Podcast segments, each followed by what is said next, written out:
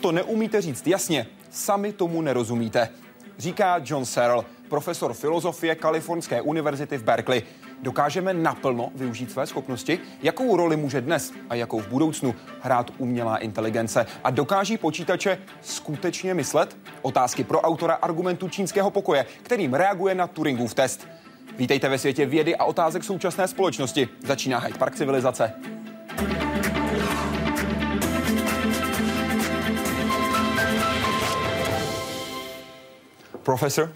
Pane profesore, vítejte v Hyde Parku civilizace. Dobrý večer, díky za pozvání. Profesor John Searle je tu pro vás. Seznamte se. Jeden z nejinspirativnějších filozofů současnosti, jemuž jeho prvotní obor začal velmi rychle být těsný.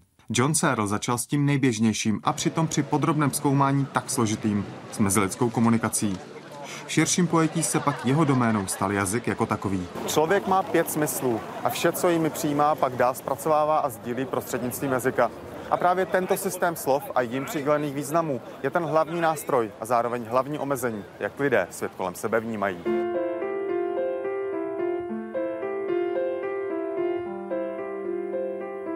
Na jazyk se proto John Searle ve svých pracech a studiu zaměřil. On vstoupil do uh, analytické filozofie velice razantně. V 60. letech jako autor teorie tzv. mluvních aktů. A to jsou eh, ty nejběžnější komunikativní akty, které vykonáváme eh, v každodenním užívání jazyka, jako je tvrzení, slib, rozkaz, prozba a tak dále. Verdikt soudce, souhlas se smlouvou s tvrzeným podpisem nebo jedno jediné ano před oltářem či zástupcem státu. To je zvláštní druh činu, který přímo vytváří novou realitu. Ty se staly jednou z domén díla Johna Serla. Nezůstal ale jen u filozofie nebo jazyka. Od nich se vydal do celé řady dalších oborů. Výrazně ovlivnil nejenom dějiny analytické filozofie, eh, kde už patří k legendám, ale taky vývoj různých speciálních věd, jako je lingvistika, literární teorie, sociologie, psychologie anebo teorie umělé inteligence. Právě z tohoto oboru existuje asi nejznámější Searleův argument, kterým reagoval na tzv. Turingův test. V něm člověk komunikuje s počítačem a jiným člověkem a má rozpoznat, kdo je kdo. Pokud není schopen v určitém časovém limitu rozpoznat, kde komunikuje člověk a kde komunikuje stroj, tak můžeme říct, že stroj je inteligentní, protože reaguje obdobně jako člověk, nerozpoznatelně. A John Searle vůči tomuto testu postavil argument takzvaného čínského pokoje. Podle něho předstírání, simulace myšlení formou manipulace se symboly, jakkoliv dovedné, ještě ze stroje myslící bytost nedělá. No a aby si stroj mohl uvědomovat, jaký je význam znaků, tak eh, k tomu potřebuje jisté vnitřní sebeuvědomění, uvědomění si sebe sama. A pokud ho nemá, tak říká Searle, není to umělá inteligence, je to mechanická manipulace se symboly. Budou mít počítače vlastní vědomí a pokud ano, máme se na to těšit nebo se spíš bát. Jaroslav Zoula, Česká televize. Professor, the first Pane question. profesore, první otázka. Jak jste přišel na argument čínského pokoje? Je to vlastně docela vtipné.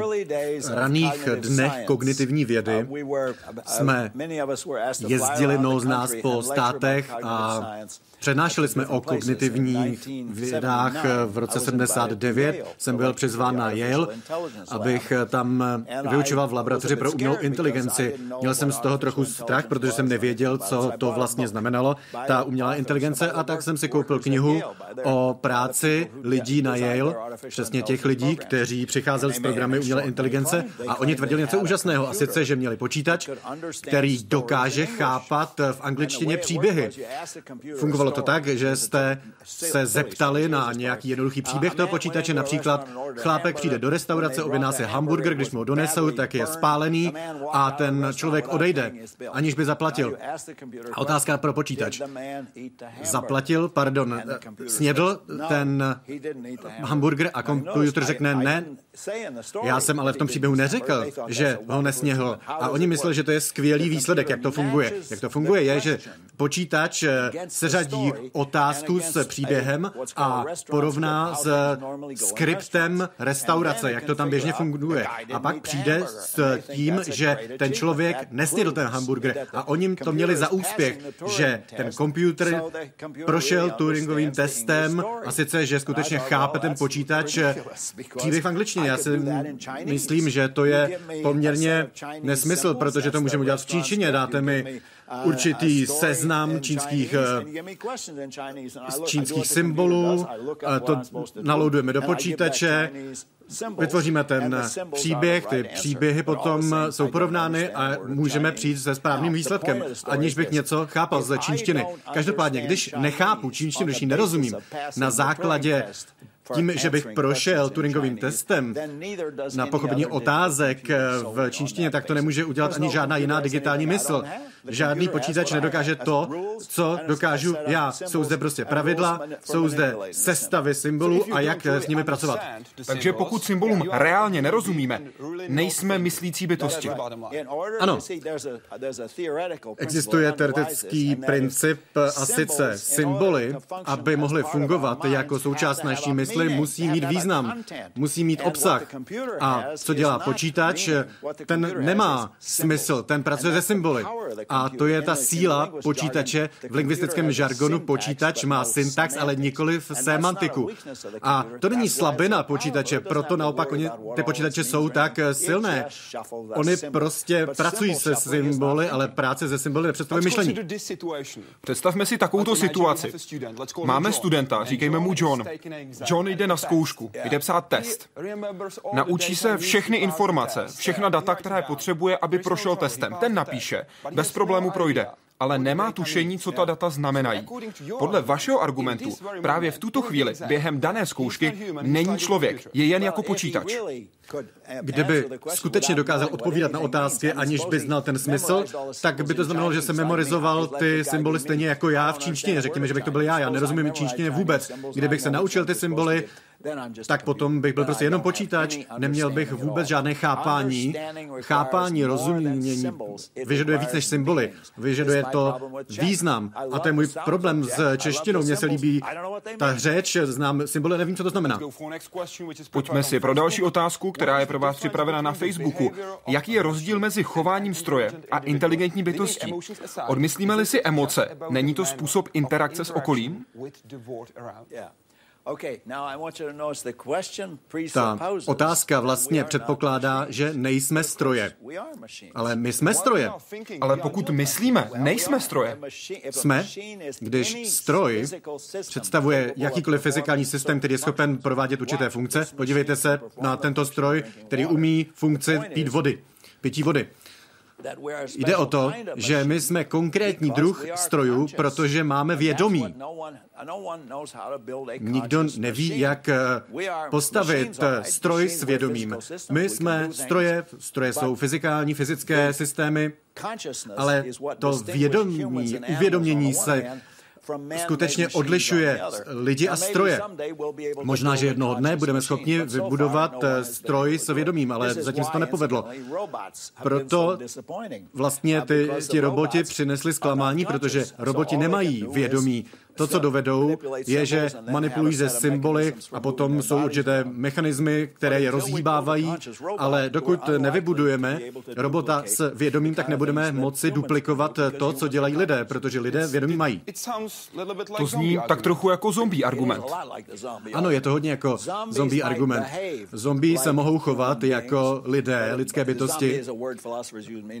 To se vlastně používá ten pojem zombie pro něco, co se chová jako člověk člověk, ale nemá to vědomí. Takže v zásadě tam není žádná překážka přijít se zombím, který by se choval jako člověk, ale chybilo by tam to vědomí. Když říkáte vědomí, zároveň také říkáte, že pocit nebo zdání, že něco má vědomí, je úplně stejné, jako kdyby to vědomí skutečně mělo. Tak například, já přijdu k zombí a řeknu, jsi při vědomí a zombí odpoví, ano, jsem při vědomí, protože tu s tebou mluvím. Jak můžete říct, že ta zombie nemá vědomí, když je sama přesvědčena, že vědomí má? Když zombie skutečně cítí, když má skutečně pocity, tak to je uvědomění. Když by mi někdo řekl, prostě máme vás pouze za hloupý stroj, nemáte vědomí, tak si to nemyslím, protože si uvědomuji své vlastní vědomí a o tom se nemohu mílit. Když se mi vědomě zná, že mám vědomí, tak potom jsem uvědomělý. A to znamená mít vědomí. Ale můžete vybudovat stroj, který by byl úplně přesně jako já, který by se choval jako já a neměl vědomí. V zásadě nevidím důvod, proč ne, ještě se to prakticky nepovedlo, ale to vědomí je jedna věc, chování druhá. Pro lidi uvědomění způsobuje chování. Uvědomění existuje pouze z hlediska té osoby nebo zvířete, které mají. A nemůžete to prostě ukázat jako iluzi, protože je zde ten zážitek toho vědomí. Jestliže mám uvědomělé pocit, že mám vědomí, tak jsem uvědomělý. Ano, může existovat stroj, který by nás eh, spletl s tím, že by nás přesvědčil, že má vědomí, to je vlastně ten Turingův test, ale prostě to tak nefunguje. Když přijmu tenhle argument, tak nevidím důvod, proč by stroj nemohl si sám o sobě myslet, že má vědomí. Co třeba situace, kdy počítač řekne, já jsem při vědomí a vy musíte říct, dobře, máš vědomí, protože tomu sám věříš. Ne. Jedna věc, prostě můžu navrhnout program, že můj počítač řekne nebo vytiskne, jsem vědomý, myslím tedy jsem, ale tak to prostě není. Abychom skutečně měli vědomí, tak to znamená něco jiného, než pouze ta slova vytiskneme. Musíme mít sílu kauzality systému, který je, ek, který je ekvivalentní um, prahovému uvědomění u člověka. Vědomí je prostě fenomen, abychom to vybudovali nebo vlastně přišli, musíme mít určité mechanismy. Možná to jde na jiném než biologickém základě, ale musí existovat nějaký mechanismus a ten musí mít kauzální kapacitu na úrovni prahových schopností lidského mozku. Například eh, nemusíte mít eh, peří nebo křídla, abyste létali. Můžete postavit létající stroj, ale to, co musíte mít společného s ptáky, je schopnost překonat gravitaci. Takže když máte vybudovat eh, stroj s vědomím, tak musí sdílet s vámi budovat vědomí, uvědomění si, pocity, to, co to znamená vědomí, to je jediný mechanismus, jak to vytvořit. Takže vám nestačí jen výstup, ale jde vám také o způsob, jakým byl dosažen. Víte, ten výkon je nerelevantní. To, co chci vědět, je, že jaká je ta povaha mechanismu působící ten výkon. Když vám řeknu, myslím tedy sem a ten váš počítač vám to takto vytiskne, tak je to prostě rozdíl, protože já mám vědomí, počítač ne. Dobrý den, pane profesore. Jestliže je cílem čínského pokoje upozornit na nedostatečnost Turingova testu, máte nějakou vhodnější alternativu? Abychom dosáhli uvědomění, tak stroj by musel duplikovat a ne pouze simulovat kauzální kapacitu lidského mozku vyvolat vědomí. A jsou zde dva slogany, které jsou si podobné ve smyslu argumentace čínského pokoje. Simulace není duplikace. Pouze simulování vědomí neznamená, že jste vědomí a syntax, formální manipulace ze symboly, není semantika. Když to rozumíme, tak to zpracování samo o sobě nemá smysl. A simulace vědomí neznamená to samého jako být uvědomělý. To jsou dvě věci, které musíme pochopit. Simulace vědomí je jako simulace trávení. Takže můžete mít počítač, a určitě existují takové počítače, které udělají skvělou simulaci lidského trávení, což je dobré pro pochopení toho, jak v trávení funguje. Ale když máte tu simulaci počítače, jak trávit pizzu, tak to neznamená, že prostě nadspěte do počítače pizzu, tak to nefunguje. Prostě oni udělají model, udělají simulaci, nedělají tu reálnou věc a tak to funguje s vědomím. Počítače mohou udělat simulaci vědomí, ale to neznamená vědomí. Takže vy byste byste doporučil raději, řekněme, pizza test místo Turingova testu? Jaká je povaha toho kauzálního mechanismu a toho testu vlastně. Nechci dopočítat spát pizzu ani do lidí, ne. Ale to, o čem hovoříme, je to, co dokáže počítač na základě Turingova mechanismu, programu, zpracovávání symbolů, nul, jedniček nebo čínských symbolů, cokoliv.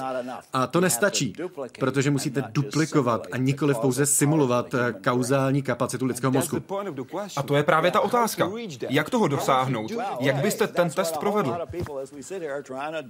To se pokouší celá řada lidí. Třeba jako prezident USA řekl, že alokuje hodně peněz na to, abychom zjistili, jak mozek funguje.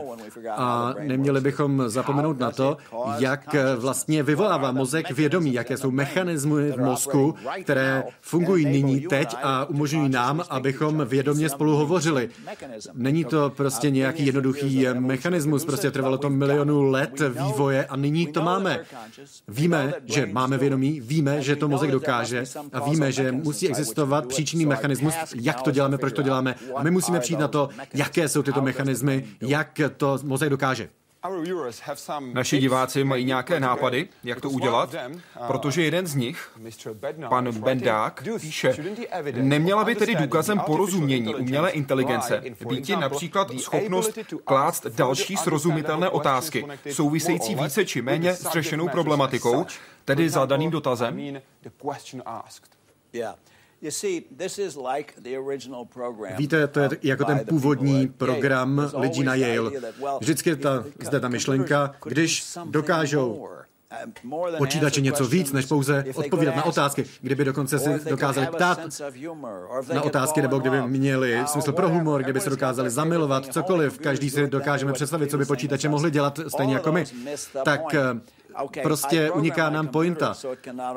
Počítač je naprogramován, aby mohl odpovídat na otázky a také formulovat nové. Například, proč se ptáte na tyto otázky? To si můžeme položit takový dotaz ve spojitosti s počítačem.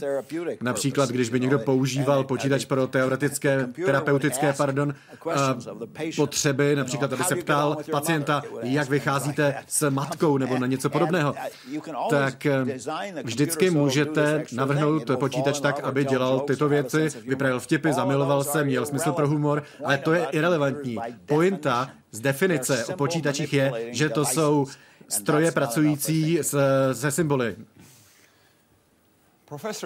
Pane profesore, zajímalo by mne, zda se domýváte, že schopnost současných počítačů stále dokonaleji analyzovat v podstatě cokoliv může položit základy počítačové řeči, která bude dokonalejší a hlubší než jakákoliv člověkem vytvořená varianta komunikace? Myslím, že už počítače takové máme, které jsou daleko rychlejší než lidé. Například ten nejjednodušší příklad, moje kalkulačka. Moje kalkulačka dokáže počítat daleko rychleji než jakýkoliv matematik. Pokud se ale zaměříme jen na komunikaci, jen na jazyk. Ten problém s programování simulace lingvistického porozumění u počítačích je, že lingvistická jazyková schopnost rozumět záleží, závisí na spoustě informací. Já tomu říkám background. Je to kapacita chápat, jak lidé spolu interreagují, jak spolu vycházejí ve světě a to se těžko dá naprogramovat do počítače. Nicméně nevidím žádnou žádnou principiální překážku, jak eh, dokázat, aby počítač tyto informace simuloval. Říkalo se tomu problém rámce. Když jste například někomu řekli, vytlačíte auto z garáže, tak eh, tento člověk bude vědět, že se hne ten stín, ale ne podlaha. Ta podla, ten počítač to nebude vědět, pak, když mu to neřeknete. Můžete to tam samozřejmě naprogramovat, ale je tu celá řada informací pro navržení programů jako takových, ale je zde prostě technický možná problém s tím do těch, počítů, do těch počítačů dostat tolik informací, které my potřebujeme ze zkušenosti znát, abychom chápali situace. To u počítačí jde těžko. Takže si myslíte, že je mnohem lepší jazyk možné vytvořit člověkem, který používá počítač, ne ale počítači samotnými? Nevidím důvod, proč bychom nemohli zlepšit matematický formalismus nebo jazyk tím, že bychom používali počítače. Ten problém je, jak zaznělo v otázce, je, že bychom nakonec dospěli do situace, kde bychom nemluvili česky, anglicky, ale nějakým super jazykem. To se nestane, protože naše jazyky se vyvíjely milionů let lidského vývoje, vývoje vědomí a prostě to funguje, funguje to skvěle. A nikdo neví, jak přesvědčit robota, aby myslel, protože nedokážeme ho naučit svědomí, vědomí.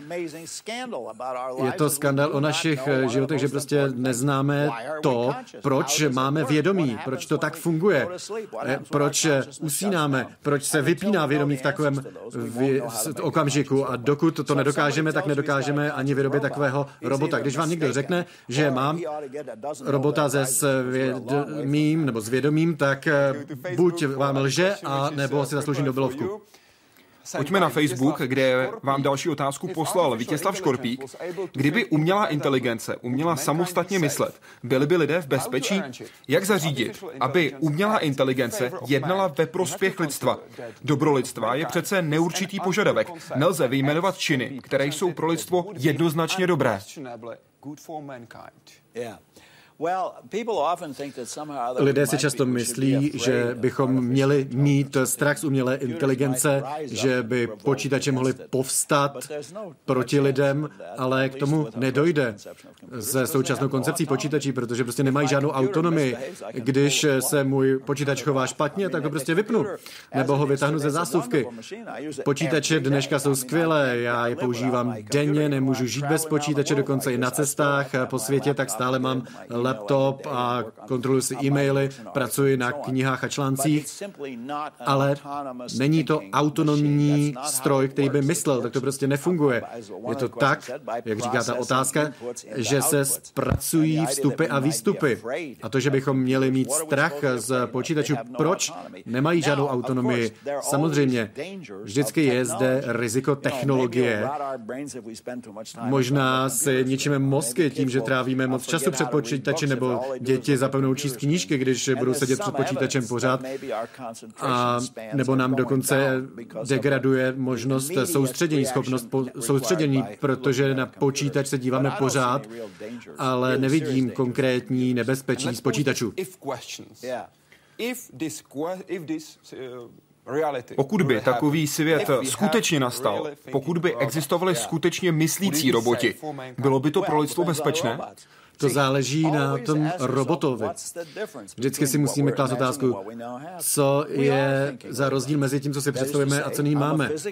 My jsme také roboti, jsme fyzikální systém, který se hýbe a mají myšlenky. Lidé jsou myslící stroje, roboty, nikdo neví, jak vyrobit umělého myslícího robota, ale kdyby se to stalo, tak otázka je, jaké je to riziko v tom, jakého robota um, uděláte. Třeba by to byl robot jako svatý František, nebo jako Adolf Hitler Hitler, to jsou různé roboty. A obáváte se, že by lidstvo mohlo nad takovými roboty ztratit kontrolu? Když by umělí roboti vyrobeni na základě stávajících technologií by se jich tato otázka týkala, tak prostě tam riziko není, protože je odpojíte od proudu. Někdo možná někdy vyprodukuje robota, který bude schopen žít samostatně z odpadu, to nevím. Ale když hovoříme o stávající technologiích, transistory, programy, elektrické, elektronické součástky, tak se nemusíme bát. Prostě není to realistické. Je to asi tak realistické, jako kdyby se proti nám zbou bouřili naše boty. Já bych měl strach, že vyskočí z botníku a skopou mě. Jak se díváte na vyspělou umělou inteligenci v souvislosti s vývojem kvantových počítačů? Nepřinesou zásadní evoluční skok tam, kam digitální počítače nikdy nemohli dospět? Obáváte se toho, nebo v to naopak doufáte? Já toho tolik nevím o technologiích kvantových počítačů, ale bez výjimky pokroky v počítačové technologie vždycky souvisí s pokroky ve výpočetních schopnostech. A máme zde takové pravidlo, že každých 18 měsíců se to zdvojnásobí, ta výpočetní schopnost. A toho bych se nebal. Dokonce to vítám, protože to znamená, že budeme mít více výpočetní kapacity za méně peněz peněz. Můj dnešní počítač je daleko lepší než počítač před 20 lety. Ten omyl je, když se domníváme, že Výhoda z technologie komputační implementace má nějaký hluboký filozofický význam, prostě nemá. Jsou to Turingovy stroje, dělají Turingové programy. Teď to dělají z lepší technologií, s lepší technologiemi než dřív a v budoucnu to zase bude lepší. Ale je to pouze o tom, že to jsou stroje, které manipulují s nulami a jedničkami. V současnosti je tím nejinteligentnějším počítačem Watson.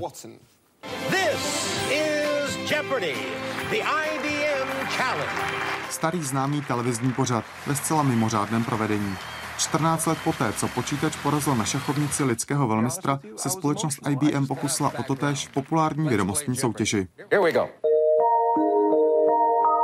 Proti počítači Watson stáli dva nejúspěšnější hráči historie a otázky plné dvojsmyslů, slovních říček a skrytých významů. I když to bylo drama až do posledních chvil, výpočetní síla a špičkové programování nakonec triumfovalo. Stand up, stand up, stand up. Duel neuronových spojů s křemíkem ale odhalil, jak dalekou cestu mají i nejvýkonnější počítače současnosti k lidskému mozku. Ken a Brett znali odpověď během sekundy a nám to i s dvěma tisíci osmisty jádry trvalo dvě a půl sekundy. To ukazuje, jak neuvěřitelný lidský mozek je, jak rychle pochopí, kam otázka míří. Bum a zná odpověď.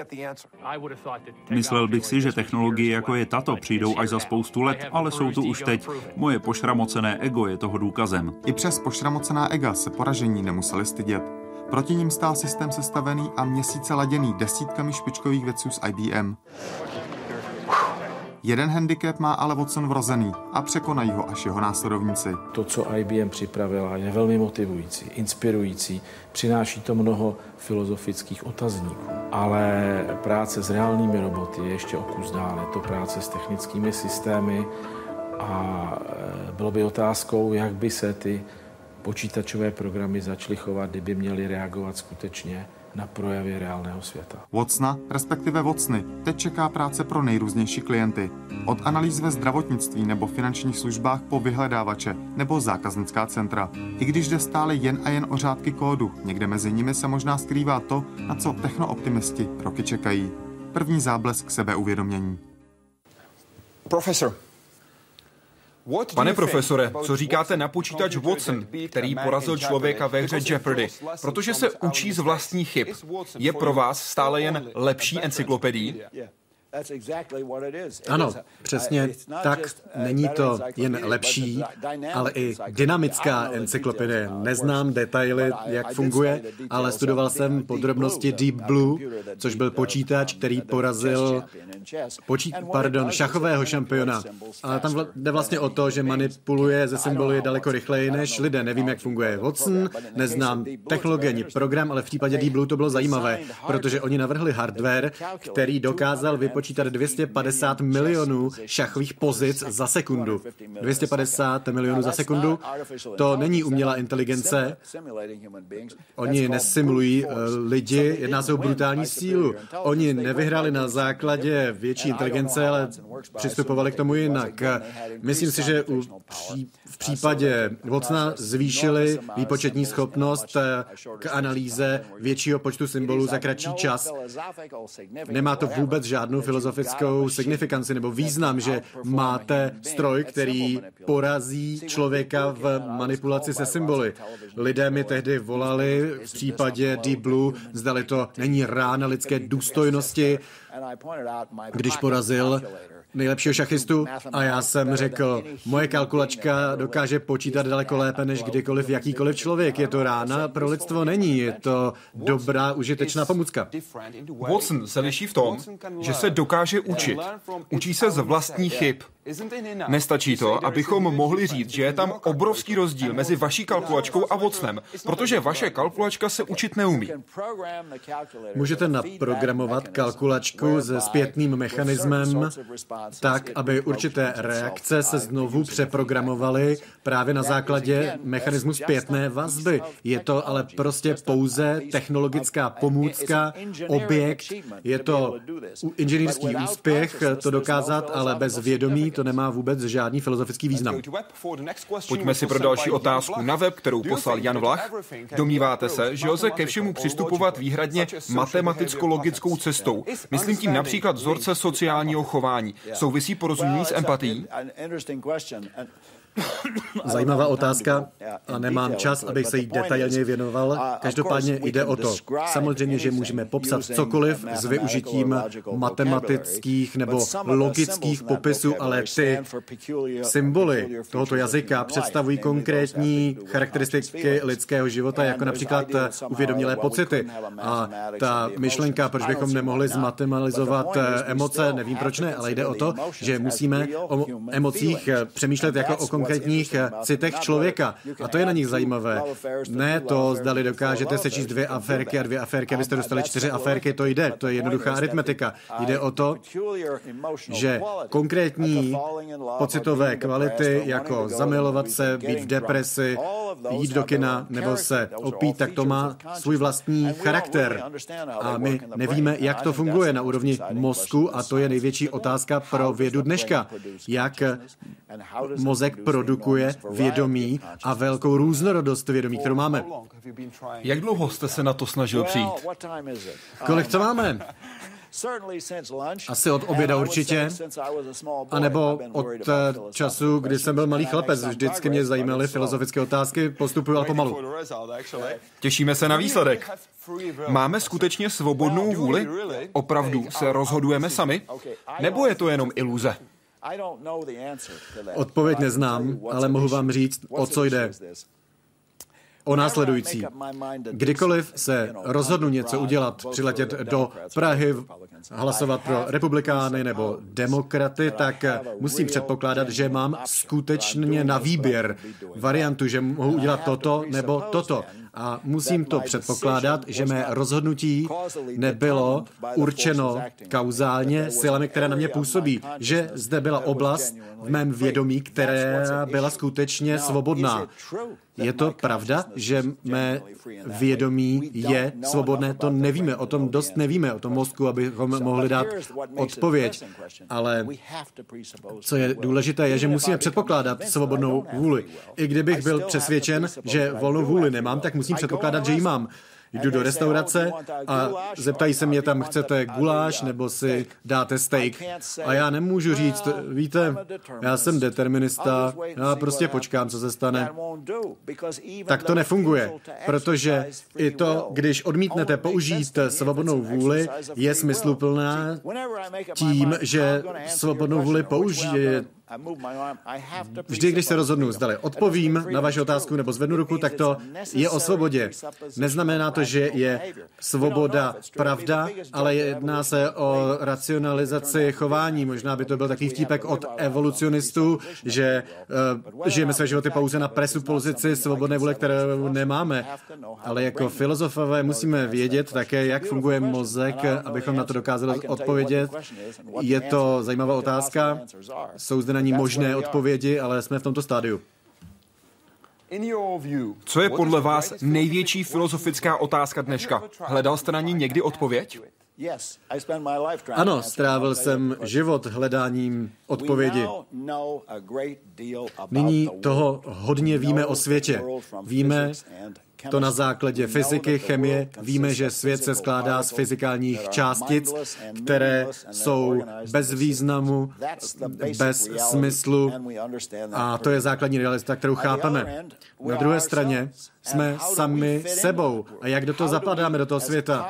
Jak uvědomělí, racionální, sociální, estetický, estetičtí lidé se svobodnou vůlí zapadáme do světa těchto fyzikálních částic bez rozumu a významu. Musíme být konzistentní. Musíme ukázat, jak z té základní struktury světa se dostáváme až k nám. Jak od elektronů se dostáváme k volbám, od protonů k prezidentům. A to musíme být schopni dokázat, protože prostě by nemohly probíhat volby, milostné aférky, svobodné akce, aniž by existovala spojitost s molekulami. A já se pokouším v životě ukázat, jak lidská realita je možná být derivována od fyzikální reality. Pracuji ve třech oblastech. Jazyk, společnost a vědomí, jak tyto tři oblasti mohou zapadat do světa fyzikálních částic. A skutečně to je na hodně životů, práce na hodně životů. Nyní jsem dokončil knihu o percepci. Píšu o etice, takže skutečně jsem hodně zaměstnaný. Řekl jsem, že svět se skládá z fyzikálních částic. Proč ti fyzici s tím něco neudělají? Teď slyšíme, že pouze 4% světa, který známe, se skládá z těch částic a těch zbývajících 96, o tom nic nevíme, ať už je to temná hmota, temná energie. Co je temné, je naše ignorance, nevědomí, protože nevíme, jak funguje právě tato temná hmota energie, ale proto je platíme. Fyziky platíme za to, aby to vyřešili. Můj problém zůstává, jak se dostáváme z fyzické, fyzikální aktivity do lidské reality a to musíme odpovědět, na to musíme odpovědět nejen, že to je konzistentní, ale že lidská realita je odpovědí na fyzikální realitu. Musíme odmítnout realitu, protože naše tradice, protože ta praví, že naše realita je spirituální, mentální, ale ona není, ona je fyzikální. Musíme se zbavit tradice, která nám říká, realita se dělí na dvě, materiální a spirituální. Ne, spirituální část je součástí materiální. To říkají dualisté. Dualisté říkají, vedle materiální reality existuje Bůh, duše, nesmrtelnost, anděle, duchové a všechno možné, ale já říkám, dokud nebudeme vědět, jak funguje svět, tak to, na to nebudeme znát odpověď. A vedle materiální reality neexistuje nic, protože my jsme materiální skutečné bytosti. A naše vědomí, vědomí je biologický proces, který prochází, probíhá v našem mozku, naše milostné aféry, spirituální myšlenky, to vše je výsledkem biologického procesu v mozku a já se snažím nalézt koherentní realitu. Není to špatný projekt. Jste blízko řešení? Ve třech oblastech ano, ale je zde spousta dalších. Již jsem přišel na to, jak vědomí může existovat ve fyzikálním světě. Není to těžké, ta odpověď, protože veškerý náš mentální život eh, je uspořádán na základě neuronních procesů v mozku, stejně jako voda je organizována na úrovni H2O.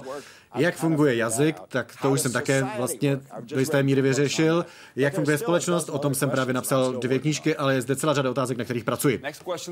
Další otázku poslal Tomáš Peterský, který píše, Dobrý večer, pane profesore. Nedělá se z filozofie zbytečně věda? Jak pomáhá současné společnosti? Nemám představu, jak může společnosti pomáhat. Je to každopádně hodně zajímavé. Nechám to na historicích. Dám vám příklad. Lidé říkali takové ty nesmyslné věci o počítačích, že mohou mít pocity a tak. A já jsem to vyvrátil. Bylo to užitečné pro společnost? Ano, pravda je vždycky užitečná. Ale nepokoušel bych se tvrdit, že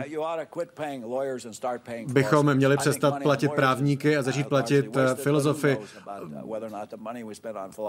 Možná, že se plítvá peníze na právníky, ale možná by se také plítvalo na filozofy.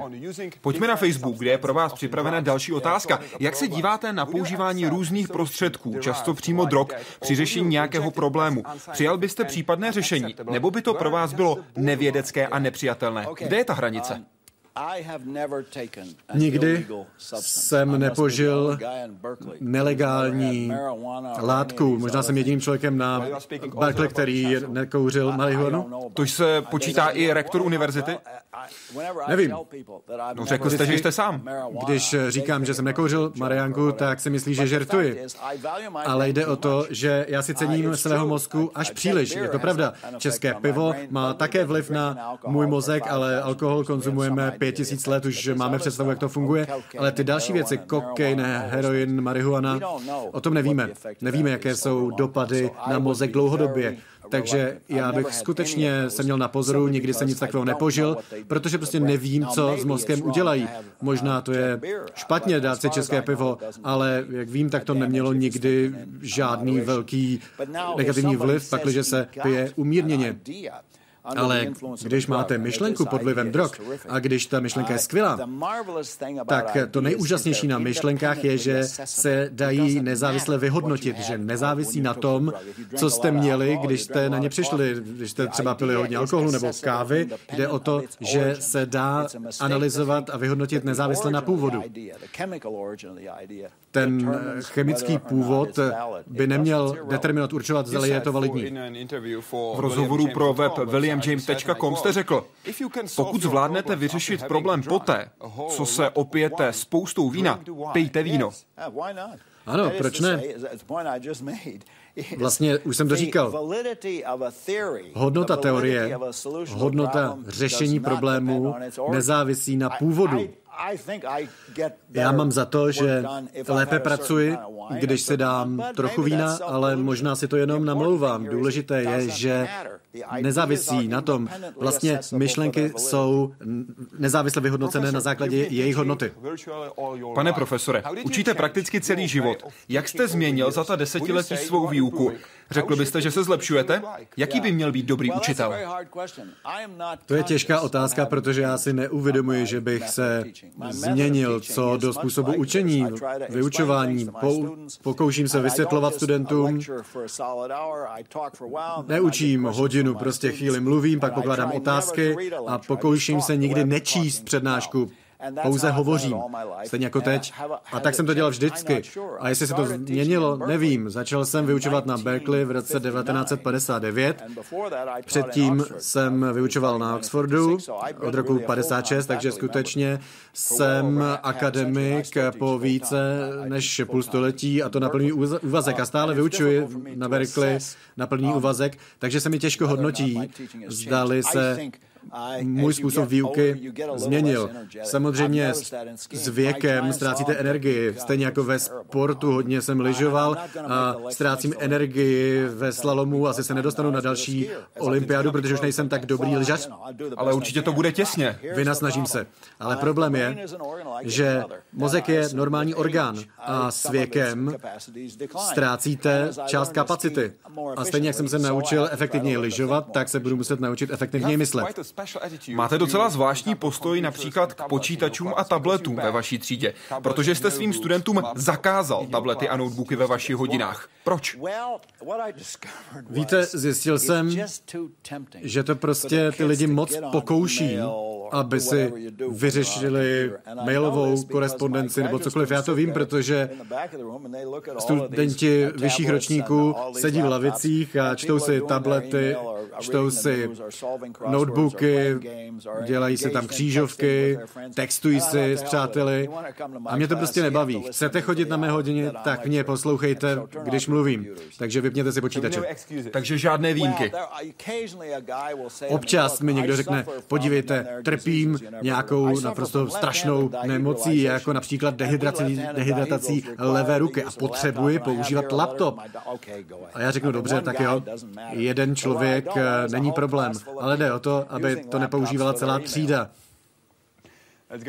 Pojďme na web pro otázku od Ute. Mluví se o klesající úrovni kvality studentů. Jací podle vás studenti byli, když jste začínal a jací jsou teď? Jsou chytřejší, sebevědomější, drzejší, praktičtější? Chtějí se mladí lidé učit? Pro mě na to těžké odpovídat. Lidé o tom hovoří, že ta kvalita se snižuje, ale já si to nemyslím. Myslím si, že moji studenti jsou skvělé. No, A učíte i prváky?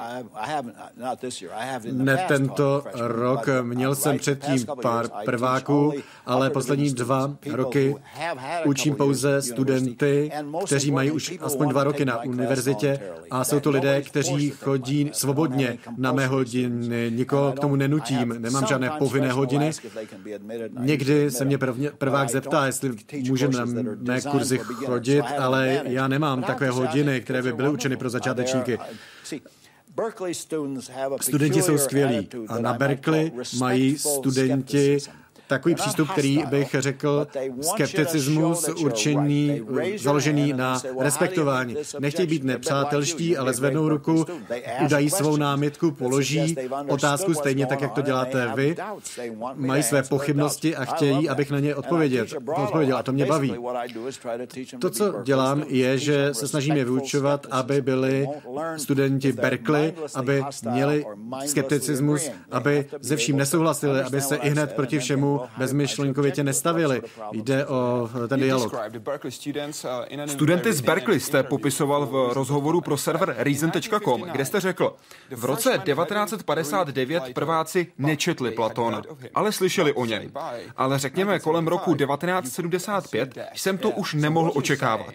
Takže tvrdíte, že řekněme pokles znalostí začal v 70. letech? Myslím si, k čemu došlo na Berkeley, tak jsme se snažili zapojit hodně studentů z menšin, kteří neměli to kulturní zázemí. Možná to bylo dobré, protože skutečně byli uvedeni do Ameriky střední třídy, ale existovalo období, kdy jste nemohli předpokládat, že lidé věděli, kdo je Dostojevský nebo Platon. Teď už eh, mám za to, že ano. Nemyslím si, že si Dostojevského přečetli, ale vědí, že to byl velký ruský spisovatel a možná si ho jednoho dne přečtou a to je velký rozdíl. Takže kvalita mých studentů se zvýšila od těch dní, kdy jsme byli zaplaveni studenty afirmativní akce, lidmi, kteří nebyli dostatečně připraveni pro studium na Berkeley. Nyní už to získávají, ale nemůžeme si myslet, že kdokoliv z ulice může přijít a studovat na Berkeley. Nemyslím si, že to je pravda. Myslím si, že musíte mít určitou kvalifikaci, nebo prostě z toho nic mít nebudete.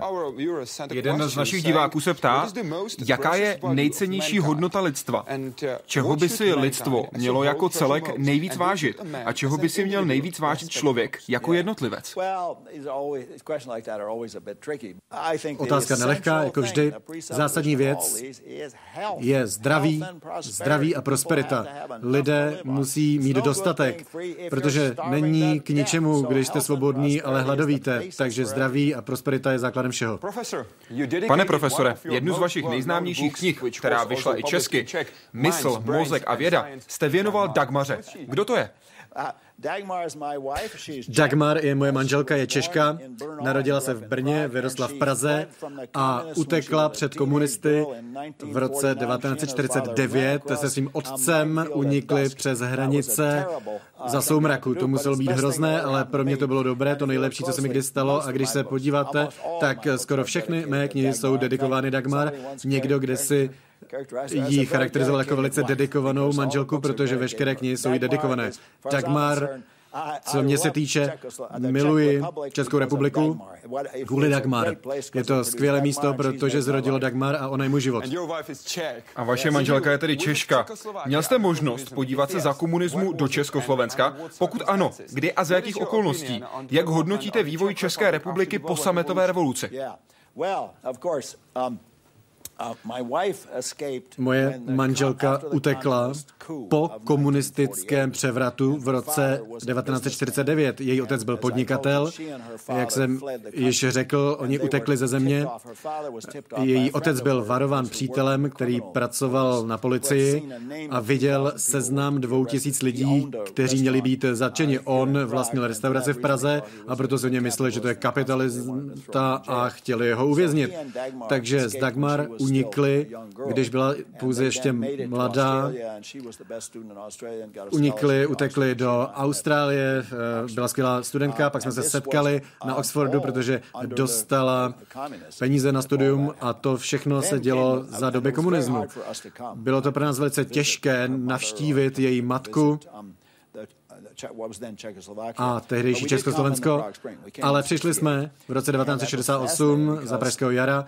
Bylo to úžasné, protože jeden z jejich příbuzných nám řekl, že bychom měli odjet a my jsme odešli v neděli a Rusové přišli v úterý. Takže nevíme, zdali tento příbuzný o tom něco věděl, ale ze země jsme odjeli. Sametová revoluce byla skvělá, protože to znamenalo, že se můžeme vrátit kdykoliv budeme chtít. A od té doby jsme se mnohokrát vrátili. A když se díváte na vývoj České republiky od sametové revoluce? Samozřejmě nesleduji to až tak do detailu, protože nemluvím česky, ale vypadá to, že prosperujete. Myslím si, že to je skvělé. Lidé prosperují, jsou šťastní, vypadá to, že dokážou vydělávat peníze, jsou zdraví. Nevím, jestli bylo dobré se rozdělit se Slovenskem, ale vypadá to, že to funguje. Máte dvě nezávislé země, i když jsou obě dvě docela malé. Takže podle mě mohu říci, že Česká republika představuje velký úspěch hospodářsky, filozoficky, kulturně. Miluji Českou republiku a je to skvělá země. Líbí se mi tady úplně všechno, nejen pivo. Praha je podle mě nejkrásnější město světa. Lidé jsou velice příjemní. Já jsem si vzal českou krásku, takže mohu říct si pouze to nejlepší. Když se podíváte na dnešní svět, čeho se bojíte nejvíc? Co se za posledních 50 let nejvíc zlepšilo a co naopak zhoršilo?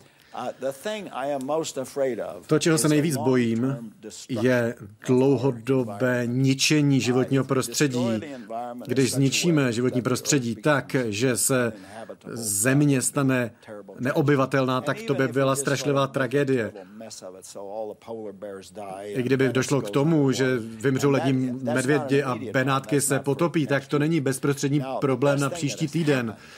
A to nejlepší, čemu došlo za posledních 50 let, a to je úžasné, že jsme por, porazili komunismus. Těžko tomu uvěřit, vy nejste ještě dost starý, abyste si na to pamatoval, ale svět býval rozdělen na dvě poloviny a my jsme si mysleli, že to prostě tak bude pořád, že to budeme my proti ním a budeme mít k dispozici atomové zbraně. A my jsme vyhráli i s nekompetentními politiky a pokřivenou verzí kapitalismu, tak jsme zvítězili a natřeli jsme jim to.